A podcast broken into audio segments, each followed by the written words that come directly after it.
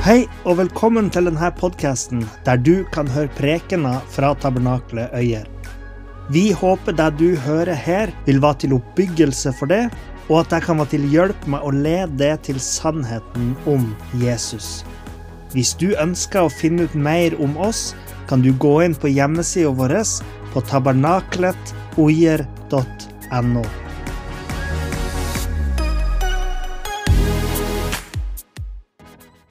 Jeg er eh, veldig glad for å kunne få lov til å dele noe fra Samuelsbøkene i dag. Uh, og vi er jo inne i temaserien med første og andre Samuelsbok, som vi har vært i hele høst. Uh, og i dag er det jeg som får lov til å, uh, får lov til å dele hva, hva kapitlene sier i dag. Og vi begynner faktisk å nærme oss slutten. Det er faktisk slutt neste, neste søndag. Da er det Niklas som avslutter. Um, og du som kanskje ikke har fulgt med på den serien her, eh, du kan høre Hvis du ikke har hørt noen eh, prekener fra før, så kan du høre alle på tabernakeløyer.no eller på Spotify eller ja, hvor du vil. Og hvis du har gått glipp av noen også, så er det også mulig å høre eh, ellers. Eh, første og andre Samuelsbok handler jo om litt sånn eh, om de første kongene i Israel, om eh, hvordan eh, ja, det kommer inn på personer som Samuel, eh, David, som vi skal snakke litt mer om i dag, og Saul. Eh, og det, kommer, det, handler om salvelse av konger og hvordan man på en måte har brukt sin, sitt mandat til ja, sin makt.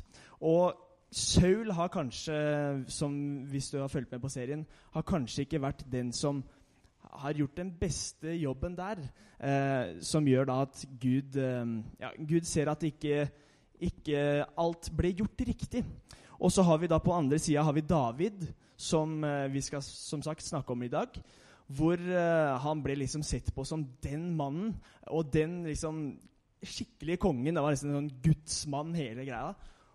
Og så kommer det til at han også feiler. Han feiler som konge, han også. Han faller for fristelsene. Men vi kan ha, altså vi kan, David er et forbilde for oss fordi han har et fokus på Gud. Han har et riktig fokus på Gud som gjør at når han faller for fristelsen, så klarer han å faktisk bekjenne at han Ja, jeg har feila, men han har et riktig fokus. Eh, og det er det som gjør David litt sånn eh, Ja, som et forbilde for oss. At han har et riktig fokus, men en menneskelig kropp. Eh, og de de eh, kapitlene vi skal ha om i dag, er nemlig andre Samuels bok, kapittel 21 til 23. Eh, og vi skal fokusere akkurat litt ekstra på hva David sier i kapittel 22. jeg skal hoppe litt, litt over litt over kapittel 21, fordi det er mye å, å være inni. Og kunne snakka veldig mye om det her, men vi må prøve å, å fokusere oss litt inn. Eh, Temaet i dag det har overskriften 'Klippen'. Eh, og før vi går inn i teksta, så har jeg lyst til at vi bare skal ja, rette vårt fokus mot Gud. Eh, og ja, rett og slett be sammen. Så kjære far, takk for eh, at eh, vi får lov til å samles her i dag. Takk for at eh, det er en grunn til at vi sitter her i dag. Og det er fordi at du skal snakke til oss. Vi tror og har en forventning om at du kan åpne hjertene våre, sånn at vi kan få noe i dag. Få mat fra deg, Gud. Jeg ber deg for eh, det du skal tale igjennom meg, at det skal treffe alle som sitter i salen, alle som hører på podkast seinere. At vi skal bli truffet av det her. At vi skal få nye perspektiver på hvem du er, inn i den juletida vi er i nå. At vi skal få en, et større perspektiv på hvilken kjærlighet du har for oss, Gud. I Jesu navn. Amen. Høydepunktet i de kapitlene her eh, er eh, kapittel 22, som handler om Davids eh, lovprisning, eller Davids lovsang. Og tidligere i den serien her, faktisk første søndag i den serien her, så fikk vi høre om en annen type lovsang. Som først var en bønn, men så ble en lovsang, og som ble en slags profeti om det som skulle komme videre. Og det, Da snakker vi om Hannas lovsang. Eh, og Jeg skal ikke ramse opp liksom alle ting som, eh, som Hanna sa, men jeg skal ramse opp noe, fordi det er noe å legge merke til i Hannas lovsang som eh, vi skal føre videre til eh, det kapitlet her. Eh, og Hannas lovsang går som sagt fra en slags bønn for sitt personlige liv til å bli en slags profeti over det som skulle skje videre eh, utover i, i historien. Eh, over hvem, hva Gud gjør, og hva han skal gjøre. Så eh, noen vers som går eh, Jeg skal snakke litt om fra Hannas lovsang, står i 2. Samuels bok, eh, kapittel 2, vers 2. Står, der står det Gud alene er hellig. Han er klippen. Det er ingen klippe som vår Gud. I kapittel 2, vers 7 så står det Herren fornedrer og opphøyer. I kapittel 2, vers 9 så står det alle er avhengig av styrke fra Gud. I eh, vers 10 så står det Gud skal reise opp sin konge, sitt salvedes horn. Og eh, det som er moro med at vi kan, eh, kan dra den sammenligninga her med det kapitlet vi skal inn i, er at eh, nesten alle orda i Hannas lovsang blir brukt i det som nå blir Davids lovsang. Davids lovprisning. Og Vi kan se på i kapittel 22 i andre Samuels bok det var første Samuels bok 2.10 i stad. Eh, jeg sa feil. Men andre Samuels bok 22, nei, vers 2, så står det Herren er min klippe, min festning og min redningsmann, min klippefaste Gud, den jeg tar min tilflukt til. Mitt skjold og min frelses horn, min borg og min tilflukt, min frelser. I Eh, vers 18 så står det Han fridde meg ut fra min sterke fiende, fra dem som hatet meg. Og i eh, 30, vers 32 så står det For hvem er Gud foruten Herren? Og hvem er en klippe foruten vår Gud? Og i, den, altså i disse to uh, kapitlene, både Hannas lovsang og Davids lovsang, så er det veldig mange likheter. Det virker som om David nesten svarer på det Hanna har profetert. Og det er akkurat det som skjer. Fordi Hanna, eh, Hanna har sett framover i en profeti, mens David ser bakover. Noe som gjør at hele Samuelsboka blir på en måte et, det blir et sammendrag fra Hanna til David. Eh, som da kan oppsummeres i 1. Samuels bok 2.2, som vi leste. Det er ingen klippe som vår Gud. Og klippe er det overskrifta er i dag. Og jeg, hver gang jeg preker, så pleier jeg å ha liksom en sånn Wikipedia-greie. sånn, Hva er det? Men det var veldig dårlig sånn forklart, og var, var forklart på nynorsk. Eh, ikke engelsk, altså, men nynorsk, faktisk. Eh, klippe er ei fjellside eller berggrunn. Ofte med bratte eller nær loddrette sider. De kan stikke opp fra havet eller langs elver.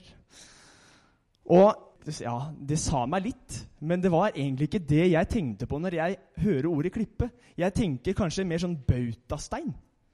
Hvis dere veit hva det er. En bautastein er jo litt sånn der, avlang, som, eh, avlang stein som uh, rager litt opp i været. Som er fast i bakken. Som er liksom rotfesta godt i bakken. Da tenkte jeg på klippe, men det var visst feil.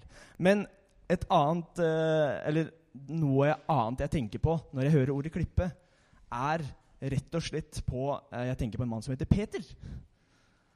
Og det, Kanskje dere kjenner igjen teksta 'På denne klippen vil jeg bygge min menighet', som Jesus sier til Peter i Matteus 16, eh, vers 18. Og Jesus snakker ikke her om at Peter skal bygge en, liksom en fysisk eh, kirke på et slags steingrunnlag, men han snakker rett og slett om Eh, altså, vi, vi, snakker, eller synger jo det i den derre 'Bygg ikke hus på en sandstrand, bygg ikke hus på grus', og så videre, videre. Og så kommer det eh, 'For du må bygge huset på fjell'. Jeg husker ikke melodien på den. Men du må bygge huset på fjell, på en stødig grunn som ikke rokker seg. Og den klippen her er ikke en klippe som, altså den som Jesus snakker om, er ikke en klippe som en fysisk stein. Men det er rett og slett en klippe som eh, Eh, og det er heller ikke en klippe som eh, Peter som person. Men det er rett og slett eh, en eh, Altså I vers 18 så brukes på gresk ordet Petros i den oversettelsen her fra Bibelen, Guds ord. Eh, Petros som navn på Simon, når han sier 'på denne klippen', eh, altså Simon. Eh, og Petros det betyr en stein som er en del av en klippe. Og så betyr eh, Petra, som er det andre ordet som brukes i det verset her, det betyr en betegnelse på sjølve klippa. Så han vil ikke si her at, at eh, Peter er klippen, men han vil heller si at han, Jesus sjøl er klippen. Og det, er, det, skal vi snakke litt, litt, om. Fordi metaforen klippe i Bibelen er brukt allerede fra 5. Mosebok, når Moses eh, sa, eh, sa i kapittel 32 i 5. Mosebok, vers 4. Klippen fullkomment er hans verk. For alle hans veier er rettferd. En trofast Gud uten urett. Rettferdig og rettvis er han. Og et uh, vers som jeg elsker, i, uh, samme i 5. Mosebok 32, 31, så står det For deres klippe er ikke som vår klippe. Dermed har liksom David, Davids lovsang og Hannas lovsang og Moses' lovsang en, altså en, på en måte en uh, fellesnevner. Og det er at det her er noe som snakker om noe annet enn de sjøl. Det er noe som snakker framover i tid. Det, er, eh, altså det har noe som vi kaller messianske overtoner. Som snakker om noe som kommer fram, og som da Ja, jeg kan si Messias. er det jo overtoner i disse lovsangene, fordi vi tenker at lovsang kanskje er en sjanger. Men det er jo rett og slett en tilbedelse med at det er Messias som står i fokus på deres lovsang. Og eh, akkurat en klippe, en annen, eh, et annet type bilde, eh, kan vi jo se på når eh, Gud redda David fra å bli drept av Saul. Han redda David ved hjelp av en klippe. Og den metaforen her kan da gis eh, ja, Et bilde på det kan være at eh, den kan gi ly. Den kan gi beskyttelse. Og også pga. at den bruker den metaforen her, så sier man jo at Gud er en klippe. Den egentlige Gud, ikke bare steinklippa. Det er han som beskytter eh, David, ikke nødvendigvis et type steinparti. Men det er Gud som beskytter. Det er Gud som er den virkelige klippen. Og i 1. Samuel eh, kapittel 2 vers 10 i Hannas lovsang så står det Herren skal dømme jordens ender. Han gir styrke til sin konge og opphøyer sin salvedes horn. Og i Davids lovsang så sto det et frelsestårn i vers 51 eh, i kapittel 22. Et frelsestårn er han for sin konge, og viser miskunn mot sin salvede, mot David og hans slekt til evig tid. Og begge de lovsangene her pre, eh, peker fram mot en oppfyllelse av man kan kalle det profetier, begge deler. Og eh, mens kapittel 22 handler om altså Nå har vi sett litt på hva Davids lovsang handler om. Mens kapittel 22 handler om litt hva som har skjedd tidligere. Så ser nå David i kapittel 23 på et framtidssyn, rett og slett. Herrens ånd har talt ved meg, sier han i, i, i, starten av kapittel 23. Og David snakker på en måte litt som en slags type profet når han, bruker, når han snakker om en konge som skal regjere i rettferdighet. Med gudsfrykt og, lys, og som lyset om morgenen.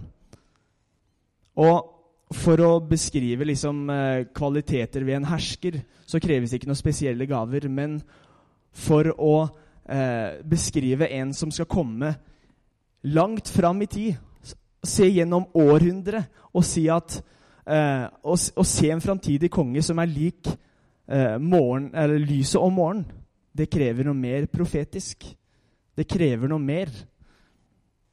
Og ettersom vi lever i en tid hvor Jesus faktisk har oppfylt de profetiene her, så kan vi eh, flytte oss videre til åpenbaringen 2216, hvor det står hvor Kristus snakker tilbake til David hvor det står 'Jeg er Davids rotskudd og etling', Den strålende morgenstjernen. Den strålende morgenstjernen. Han snakker tilbake til David. Jesus er framtidssynet som David, Hanna og Moses tilber i sine lovsanger.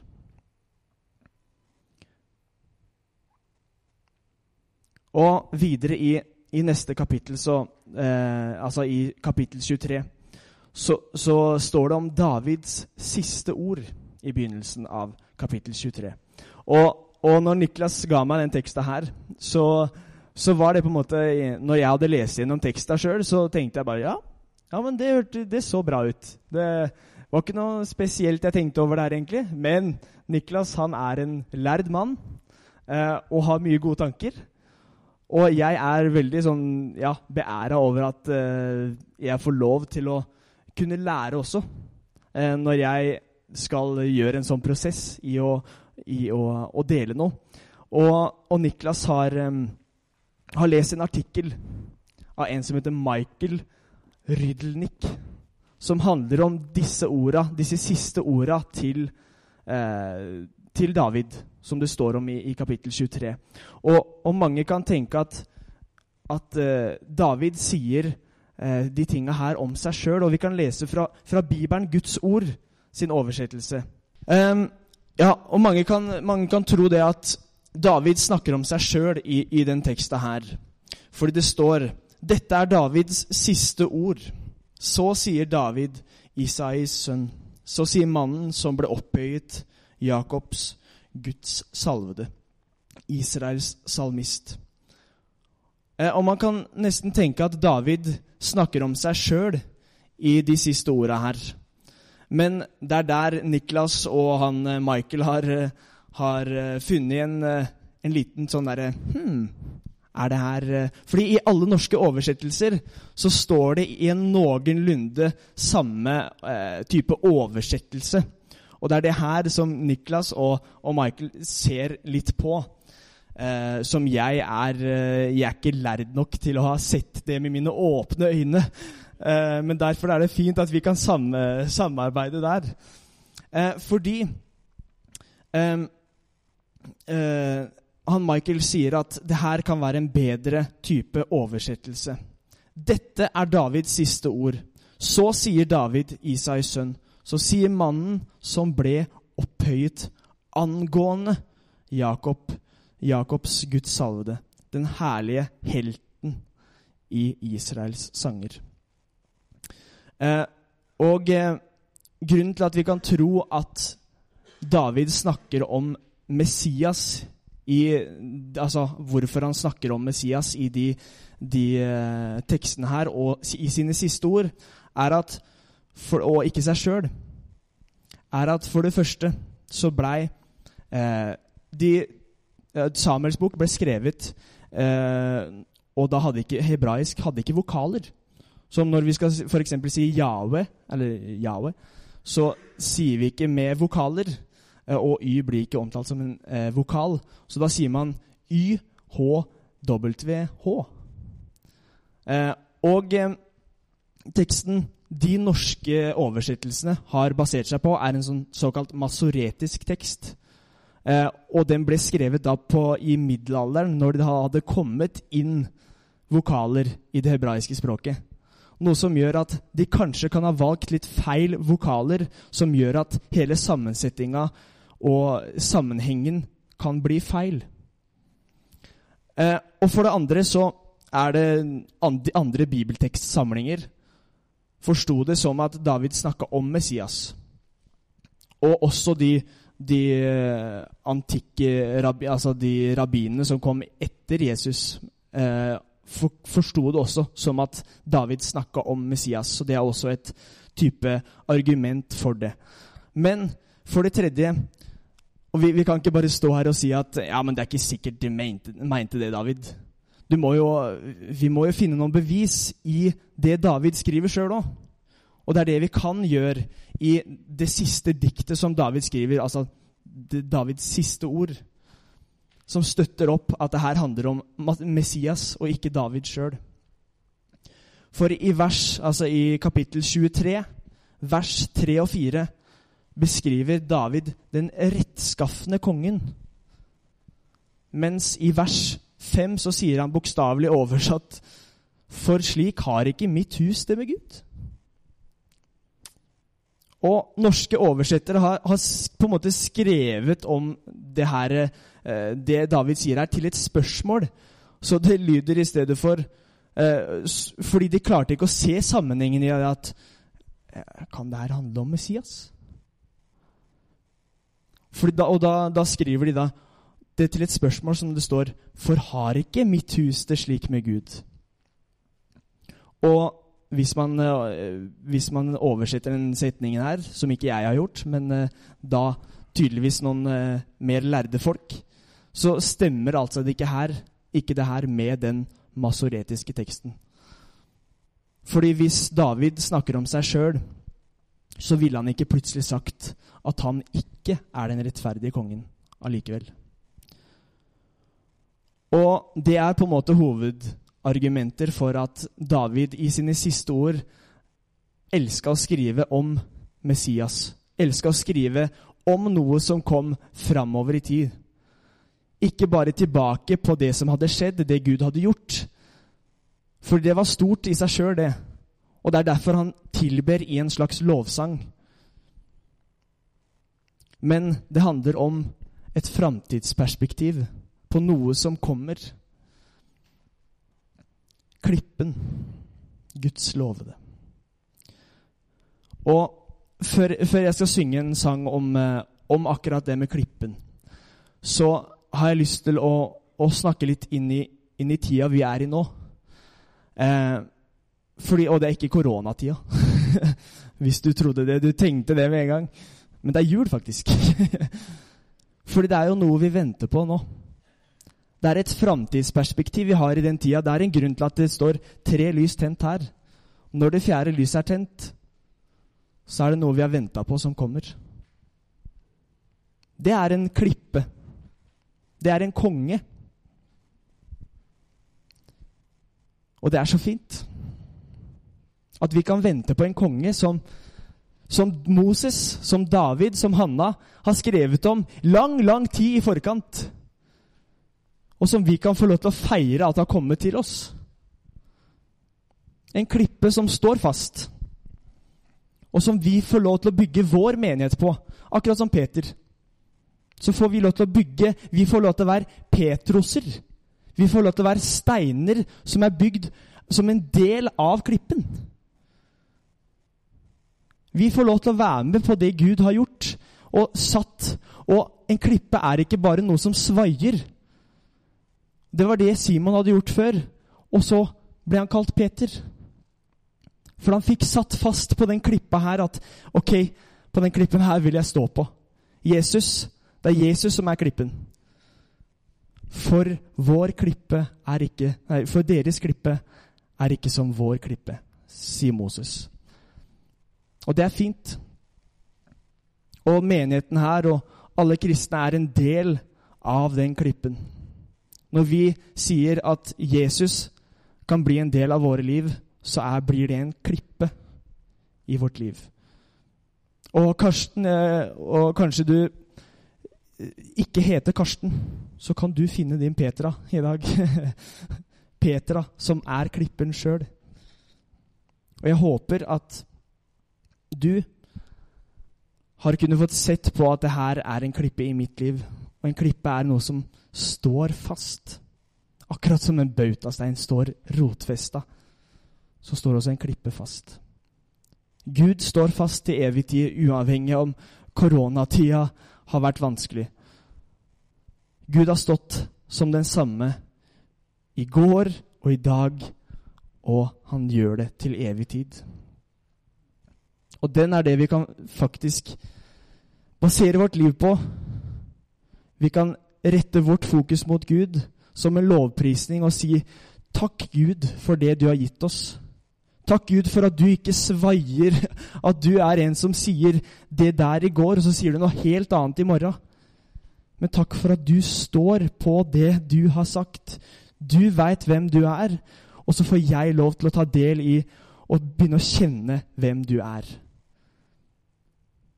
Og Derfor er Moses, Hannas og Davids lovsang til oppbygging for oss. Det er ikke bare noe vi ser tilbake på. Vi kan få lov til å se tilbake til Jesus. Vi kan få lov til å feire det. Men de der da profeterte noe som kommer fram. Og det kan vi være takknemlige for. Så, så um, i den adventstida som kommer nå, tenk litt på hva vi venter på.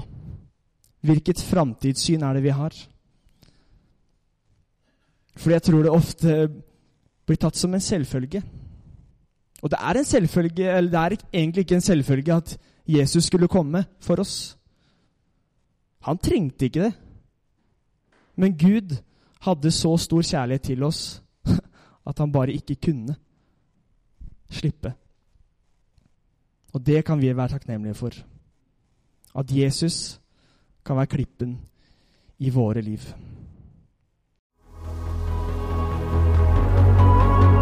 Takk for at du hørte på. Hvis du tok et steg i tro i dag, eller du har noe du ønsker forbønn for, så vil vi gjerne høre ifra det via e-postadressen kontakt alfakrølltabernakletOyer.no. Du er òg velkommen til våre ukentlige gudstjenester i menighetslokalet i Haugskutua 5 26 36 Øyer.